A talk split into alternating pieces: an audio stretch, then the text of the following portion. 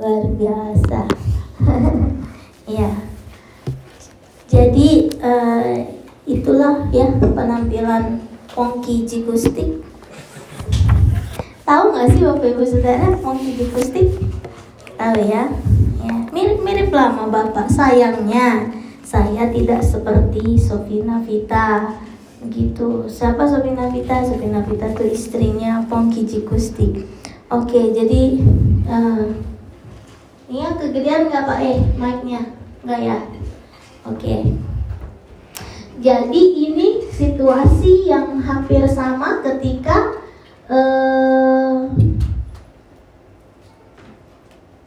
gereja dirintis pertama kali di uh, Melbourne City ya. Jadi bapak WL sambil main keyboard, terus saya main drum, dipukul aja sembarang, debak debuk debak debuk gitu ya.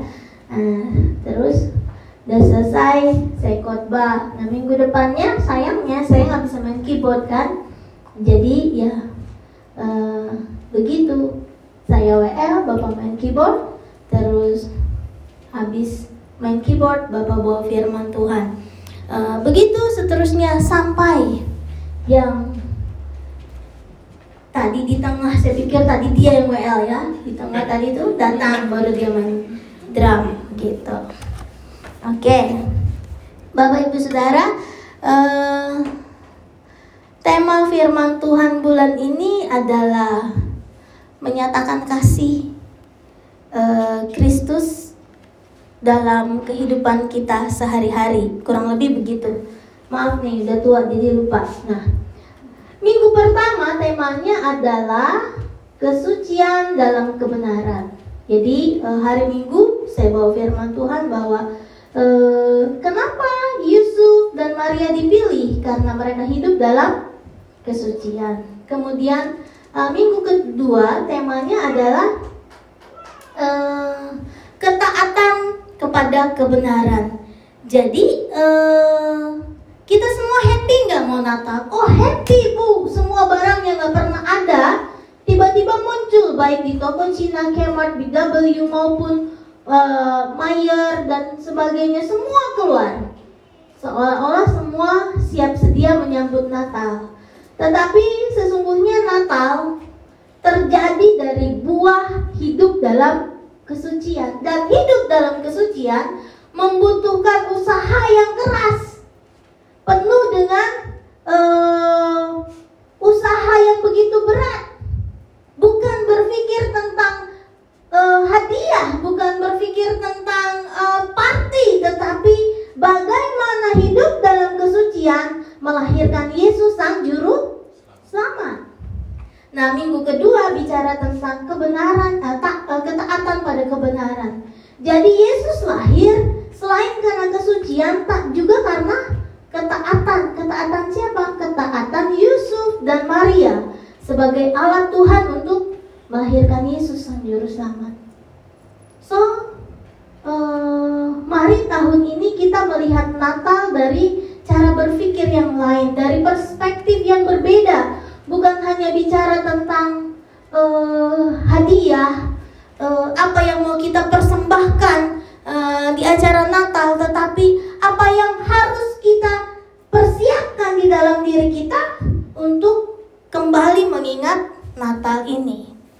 Setuju Bapak Ibu Saudara?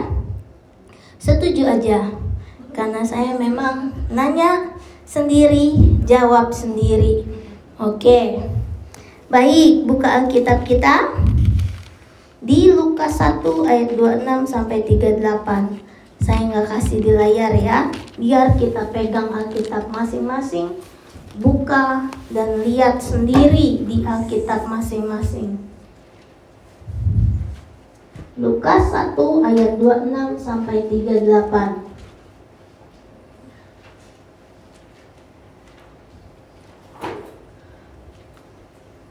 Sudah dapat amin?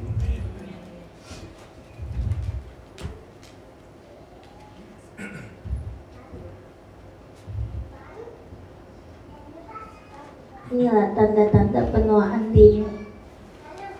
Lukas 1 ayat ayat 26 sampai 38 demikian firman Tuhan. Pemberitahuan tentang kelahiran Yesus. Dalam bulan yang keenam, Allah menyuruh malaikat Gabriel pergi ke sebuah kota di Galilea bernama Nazaret. Bapak Ibu Saudara baca ayat 27. Ada seorang perawan yang bertunang dengan seorang bernama Yusuf dari keluarga Daud. Nama perawan itu Maria.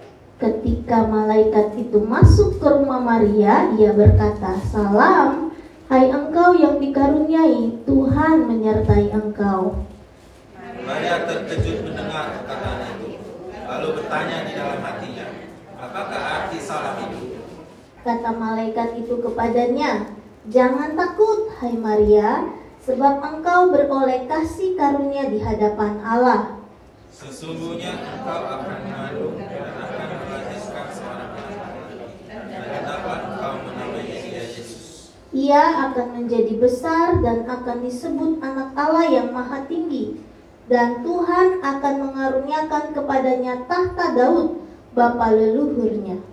Dan ia akan menjadi raja atas kaum keturunan Yakub sampai selama-lamanya dan kerajaannya tidak akan berkesudahan.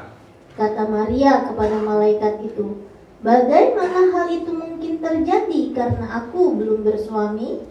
Jawab malaikat itu kepadanya, Roh Kudus akan turun atasmu dan kuasa Allah yang Maha Tinggi akan menaungi engkau. Sebab itu anak yang akan kau itu akan disebut kudus, anak Allah.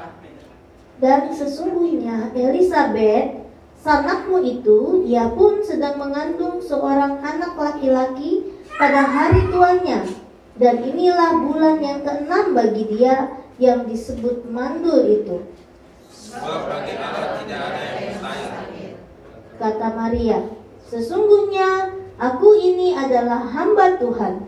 Jadilah kepadaku menurut perkataanmu itu.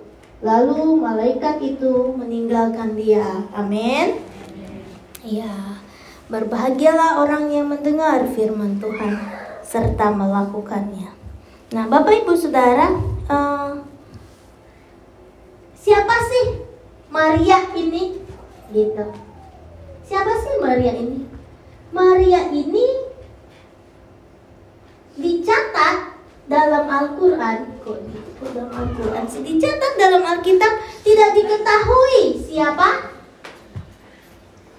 ayahnya dan ibunya Eh, cuma ada asumsi bahwa dia juga dari keturunan Daud tetapi tidak tertulis dengan jelas sanaknya Elizabeth sanak itu apa sih? Saudara dari Elizabeth. Dan kita nggak tahu juga saudaranya dari sisi mana. Apakah sepupu atau apa? Nggak diketahui. Jadi eh, tidak tercatat dengan eh, pasti gitu. Tetapi Maria artinya salah satu arti dari Maria adalah pahit. Jadi berbahagialah yang namanya nggak ada Marianya ya. Karena artinya pahit. Kok bisa ya Tuhan Yesus lahir dari seorang perempuan yang dari kampung yang e, arti namanya pun sudah pahit. Seperti itu ya. Nah, e, ternyata Yesus mau Allah mau Bapa di sorga mau kita mengerti hari ini bahwa kelahiran Yesus Natal itu lahir dari sebuah penderitaan seorang perempuan yang namanya Maria. Bu, kok menderita sekarang dia dipuja-puji kok gitu ya? Bu, enggak enggak menderita lah, dia dihormati, dia dikenang. So, siapa yang mau jadi Maria? Angkat tangan. Nggak ada kan? Emang enak jadi Maria? Kenapa? Bu enak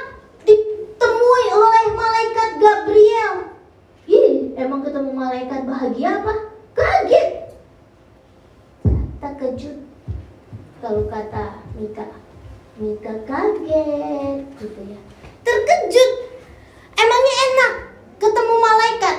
Enggak. Kenapa enggak? Karena pada masa itu karena pada masa itu baru mula-mula Allah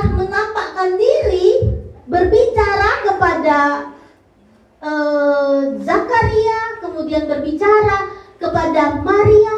Setelah sekian lama Tuhan tidak berbicara. Jadi hari Minggu yang lalu saya bilang uh, di ibadah hari Minggu bahwa kalau kita punya Alkitab di bagian Matius antara Matius dan Maleaki kosong satu lembar ini. Ngapain sih iseng ditaruh ditulis perjanjian lama?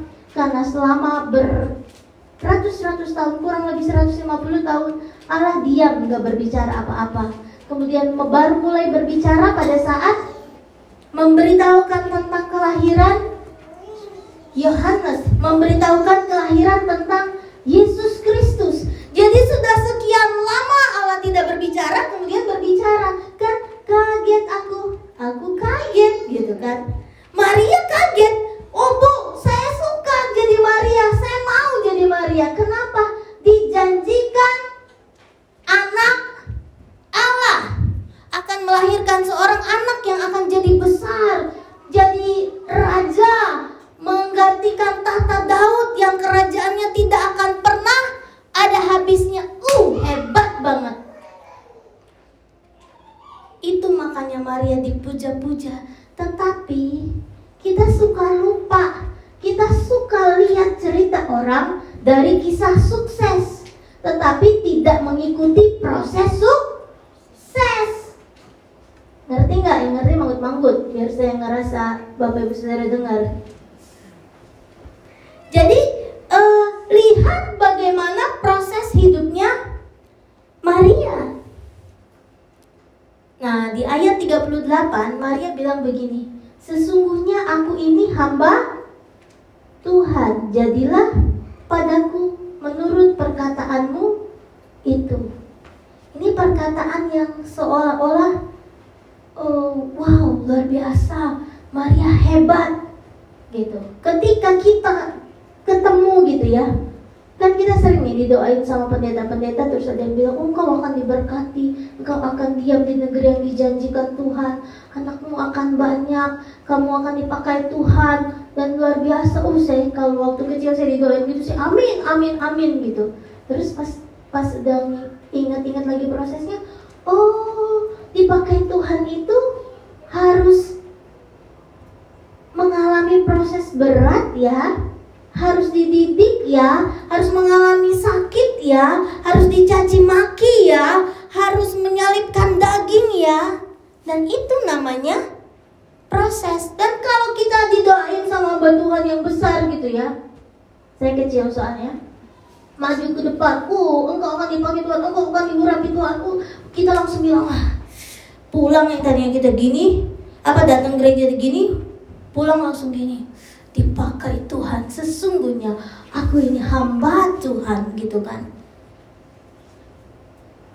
Tetapi Maria yang harus dilewati proses yang harus dilewati Maria be berat.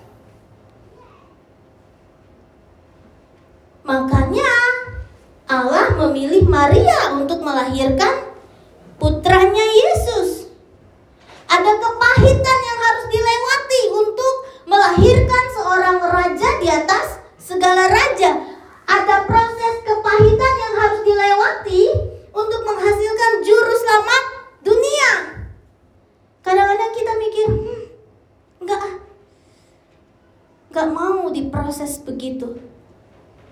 Ada seorang perempuan dari Galilea yang bilang, jadilah padaku menurut yang kau kehendaki sesungguhnya aku ini hamba Tuhan. It's normal dia bilang begitu karena yang dijanjikan hal-hal yang besar, yang dijanjikan hal-hal yang ajaib, bahkan sesuatu yang tidak pernah dia pikirkan sebelumnya. Ye gile bener, aku akan melahirkan raja yang bertata di atas tahta Daud sampai selama-lamanya. Uh keren banget, nggak apa-apa deh hamil karena Roh Kudus. Nggak apa-apa karena akan jadi raja yang besar. Tetapi faktanya yang terjadi adalah di mana seorang raja itu dilahirkan? Di kandang domba.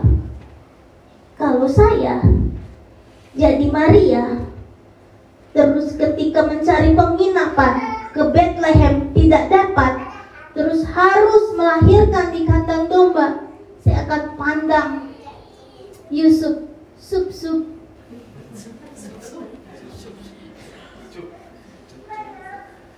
Oh gini ya. Melahir harus melahirkan rajaku di kandang domba ya cup terus sujudnya bilang neng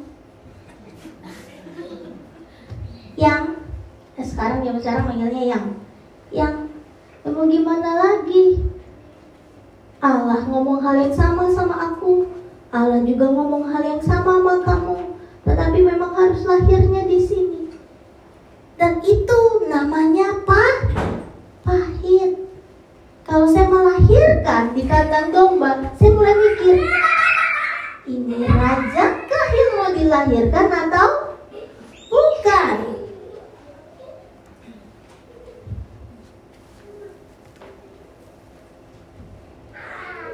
Perkataan pertama dari malaikat itu begini, Tuhan menyertai. Satu, wah keren kan? Dua, Tuhan akan memberikan kasih karunia. Luar biasa. Tiga, akan mengandung dan melahirkan. Siapa? Raja.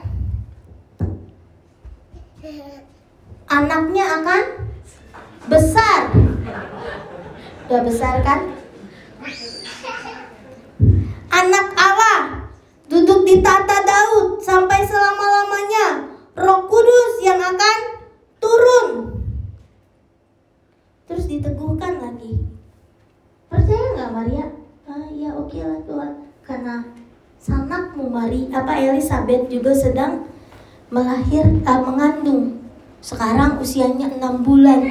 Wah ini keren banget konfirmasi dari Allah itu. Detil dan jelas. Tetapi ketika Maria bilang, sesungguhnya aku hamba Tuhan. Kan ada perkataan, sesungguhnya aku hamba Tuhan, ayat yang ke-38. Maria, apakah seorang nabi ya? Bukan. Apakah seorang rasuli? Bukan. Dia perempuan biasa dari desa, dari kampung dan dia bilang sesungguhnya aku hamba Tuhan. Jadilah menurut apa yang engkau katakan.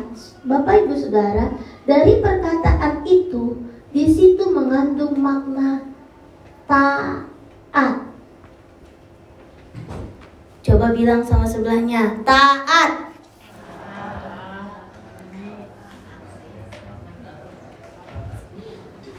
Udah, jangan panjang-panjang ngomongnya, taat taat taat eh yang, tadi yang dari pasar ya? Puangnya berapa kerja? Justru bilang taat doang panjang. Tetapi taat perlu pro proses. Tidak ada ketaatan tanpa proses. Jadi gini bapak ibu saudara.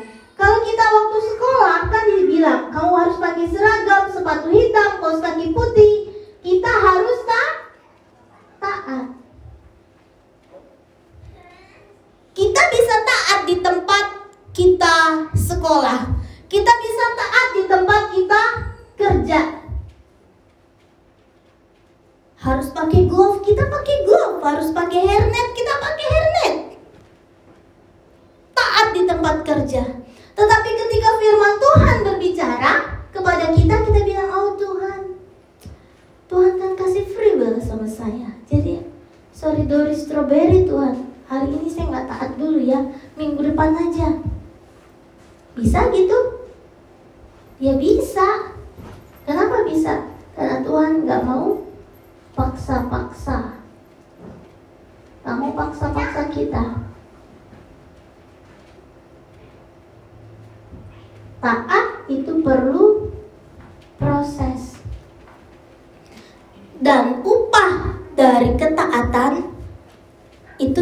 dipakai Tuhan dalam kehidupan kita di mana pun kita berada apa pun yang kita kerjakan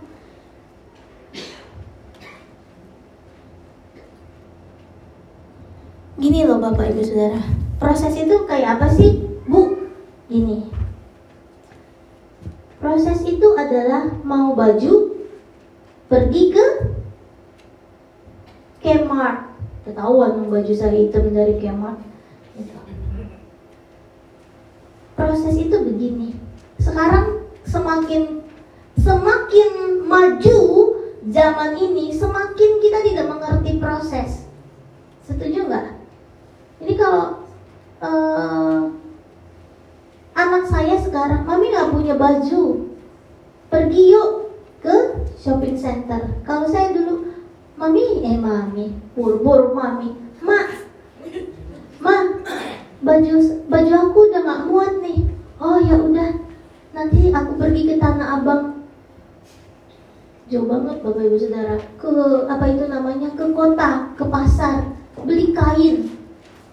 Diukur saya oh ini kira-kira satu setengah meter cukup katanya. Bisa dapat empat baju. Kenapa? Untuk kecil saya segini saudara ya. Kecil banget nggak gede-gede. Satu setengah meter bisa dapat empat.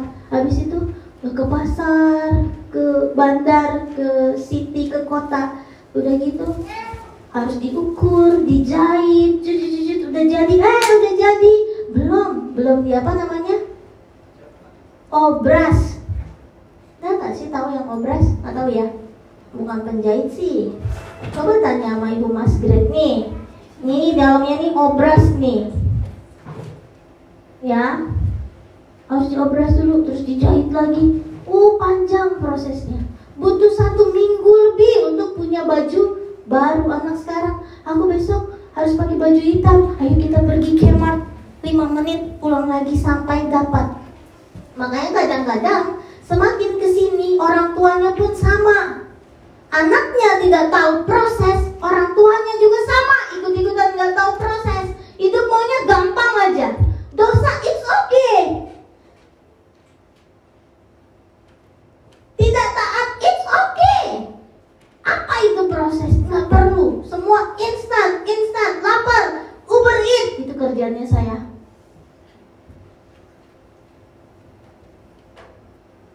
Menulok, apalagi? DoorDash, apalagi? Easy. Semua aplikasi itu ada di handphone saya. Jadi nggak perlu pintar masak, yang penting tahu menginstal aplikasi.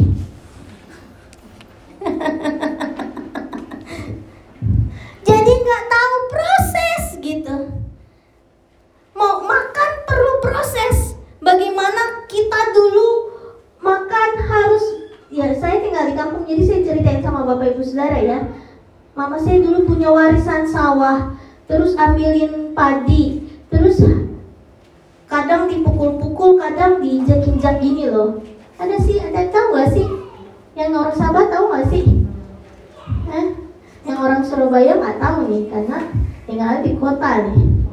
Injak-injakin nih, ditapi-tapi, di, dikupas kulitnya, digiling. Wah panjang, mau makan itu lama banget sekarang. Bahkan kita bisa beli nasi di cup yang hanya di microwave satu menit. Itu saya.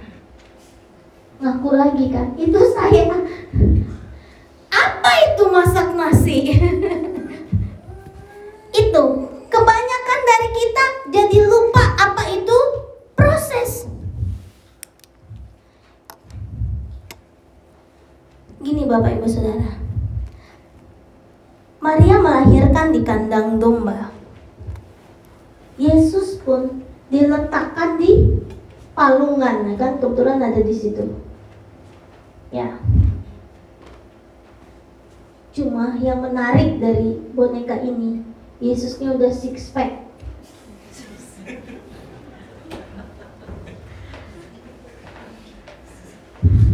Udah sih, cuma mau ngasih tahu itu aja.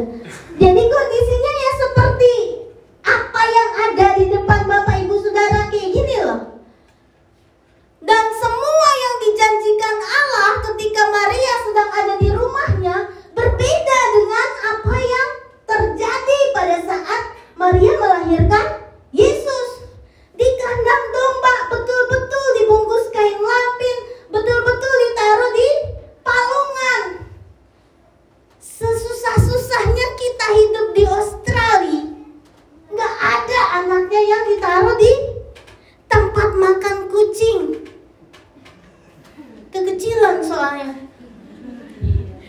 Iya. Nggak ada.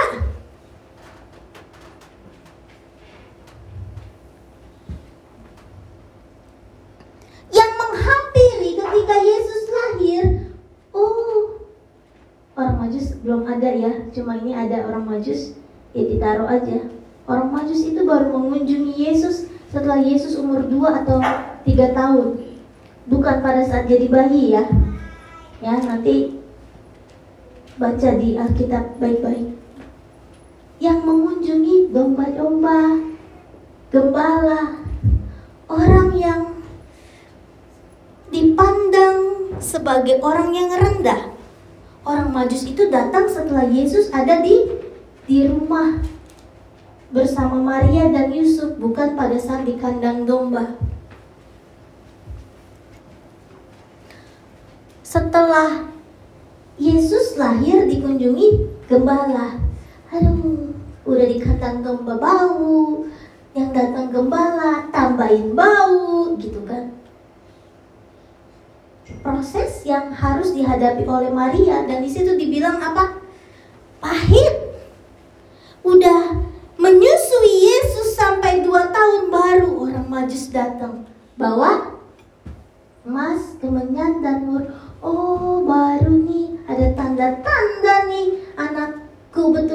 bakalan jadi raja nih akan jadi tanda nih kalau anakku bakalan jadi meneruskan tahta Daud nih. Karena apa? Karena orang majus datang bawa emas, kemenyan dan mur. Ada proses 1 sampai 2 tahun, 2 sampai 3 tahun baru ada sign orang majus datang. Tanya sama ibu-ibu yang menyusui, menyusui itu capek nggak? Capek. saya nggak tahu saya anaknya dikasih susu formula saya bilang lagi itu saya semua yang jelek saya semua ya bapak ibu saudara setelah itu apakah kemudian dipindahkan Yesus oh engkau akan jadi anak raja di umur 2-3 tahun lalu pindah ke istana enggak usia 12 tahun setelah diserahkan ke bait suci, baru di umur 30 tahun Yesus dibaptis dan melayani. Lama nggak nungguin Yesus jadi raja dan pelayanan? Lama, itu namanya pro proses. Jadi dari umur 12 sampai 30 tahun Yesus ngapain? Potong kayu, bantuin bapaknya Yusuf bikin meja, bikin tempat tidur, tukang kayu. Enggak seperti yang kita bayangin semua proses cepat, semua indah. Makanya kenapa anak-anak Tuhan pada saat Natal mikirnya, eh kita party, party, party, ada hadiah itu anak sekolah minggu. Kalau udah dewasa berpikir untuk gimana nih hidup lebih suci lagi, gimana nih jadi anak Tuhan lebih taat lagi, bukan sibuk dengan Natal mau ngapain ya, beli apa ya, tanggal 25 ke mana ya? Mau pakai baju apa ya, tema tahun ini pakaiannya warna biru, hitam, hijau atau kuning ya Kuning lah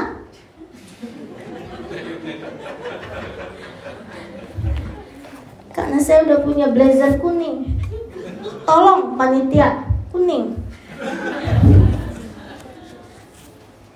Enggak gitu, tetapi dikuatkan lagi hati kita untuk hidup suci, untuk belajar lebih taat lagi kepada Tuhan itu yang Tuhan mau. Kenapa? Karena Yesus dilahirkan dari sebuah ketaatan Yusuf dan Maria.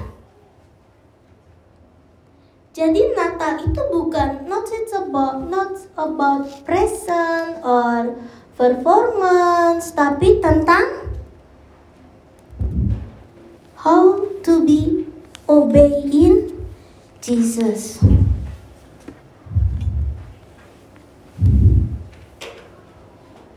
Bahkan Maria saya tahu bapakmu fotografer di Bimo ya oke okay Bahkan Maria menyaksikan Yesus melakukan banyak mukjizat. Wow, anakku hebat. Tapi Maria juga menyaksikan Yesus dikecam banyak ahli Taurat dan orang-orang. Bahkan yang lebih sakit adalah Maria menyaksikan Yesus mati di atas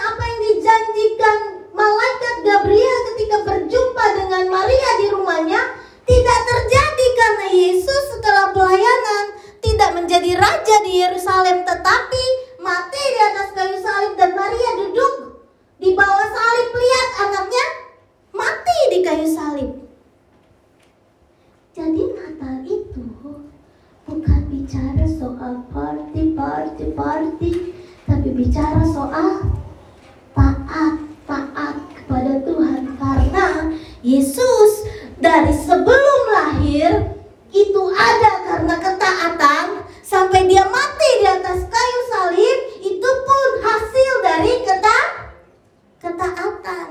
Terus kita nih siapa? Mau hidup enak-enak aja. Apa sih ibu?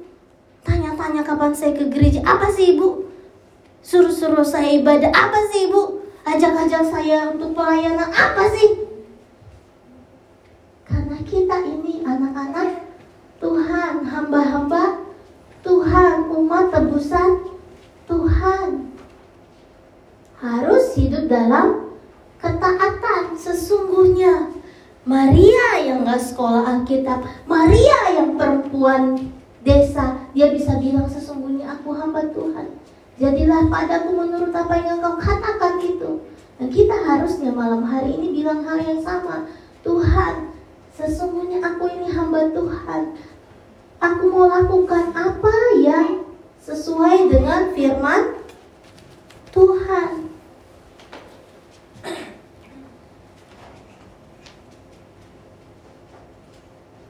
Jadi malam hari ini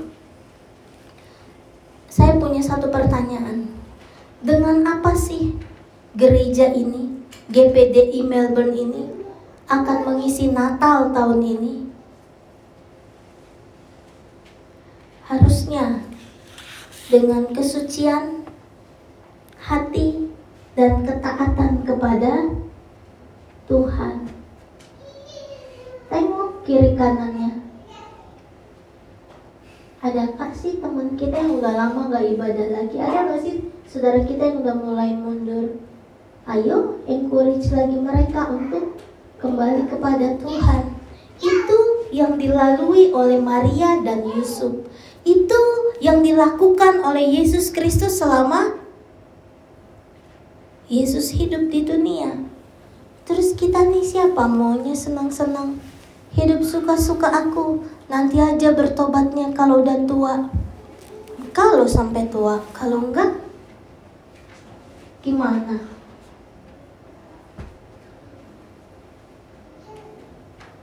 Saya mau katakan malam hari ini. Taat pada Tuhan, mengasihi Tuhan, beribadah kepada Tuhan.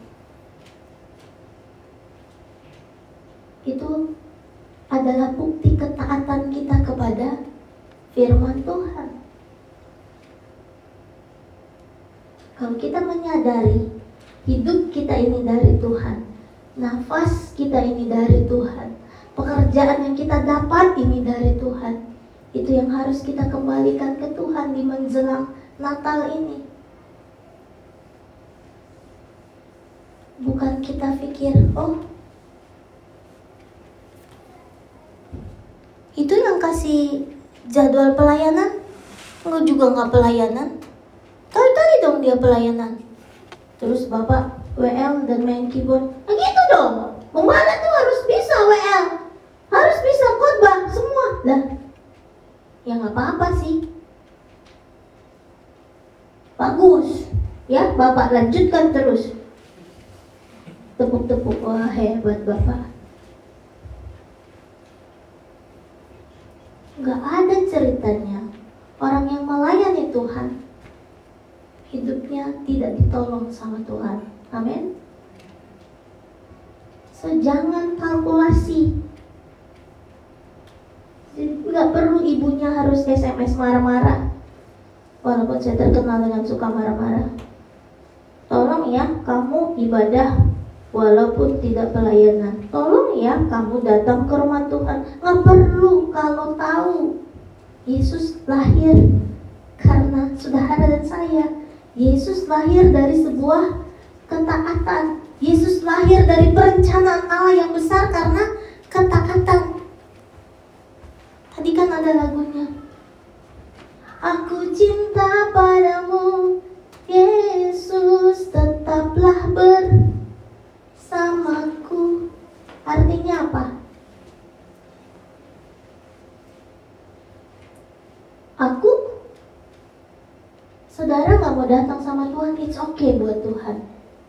Tapi jangan sampai Tuhan yang bilang, oke, okay, aku pergi dulu ya Debbie, mati Belanda. Dan aku nggak perlu beribadah ya, aku nggak perlu ke rumah Tuhan ya. Oke, okay, kata Tuhan. Tapi jangan sampai Tuhan bilang, oke, okay, Regi, aku pergi dulu ya, pamit.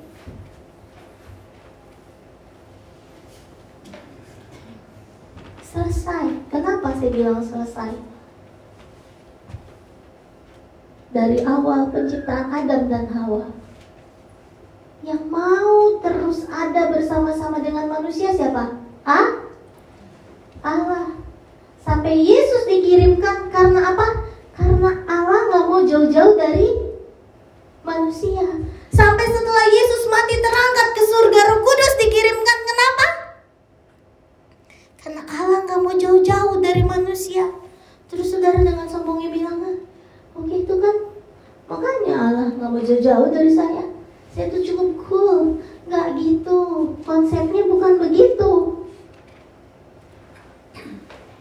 Akan ada masanya Tuhan bilang, udah ya. Udah waktunya nih. Aku cabut nih. Cabut nyawanya. Dalam kondisi dekat sama Tuhan apa enggak? Itu dari awal penciptaan bumi sampai Roh Kudus diturunkan sampai hari ini semua ada karena inisiatif Tuhan untuk terus dekat sama kita. Jangan merasa bahwa saya sudah cukup kuat, saya sudah cukup hebat, maka saya nggak perlu Tuhan. Masih ada waktu untuk beribadah besok, lusa, minggu depan, tahun depan, bulan depan, gereja tetap sama, Bapak dan Ibu akan tetap SMS dan bilang jangan lupa beribadah. It's okay, gereja GBD itu tuh pun masih ada gereja-gereja lain yang bertebaran. It's okay. Ya emang it's okay. Tapi jangan sampai ter terlambat. Sadari bahwa Yesus lahir karena ketaatan sampai dia mati di atas kayu salib ketaatan. So, Kenapa terlalu susah buat kita untuk taat sama Tuhan? Dari hal kecil aja, beribadah. Satu minggu sekali aja. And then, saudara masih bilang, sorry, I have a lot of to do. Apa? Potong rumput, ya Allah, ya Robi. Mau potong rumput dulu, jadi nggak beribadah hari ini ya. Gitu. Aku mau kerja dulu, jadi aku nggak beribadah ya. Terus Tuhan bilang, Aku yang gerakan hati temanmu kasih pekerjaan. Aku yang gerakan hati bosmu untuk tanda tangan kontrak. And then he said, sorry ya, saya harus kerja dulu. Tuhan lihat dari atas. Tang ting tang ting tang Tapi karena dia Bapak yang baik, tapi karena dia Tuhan yang baik, hari ini dia kasih izinkan kita dengar firman Tuhan ini untuk kembali kepada jalan yang benar. Jangan sampai ter terlambat. Saya undang pemusik maju Ongki Jikustik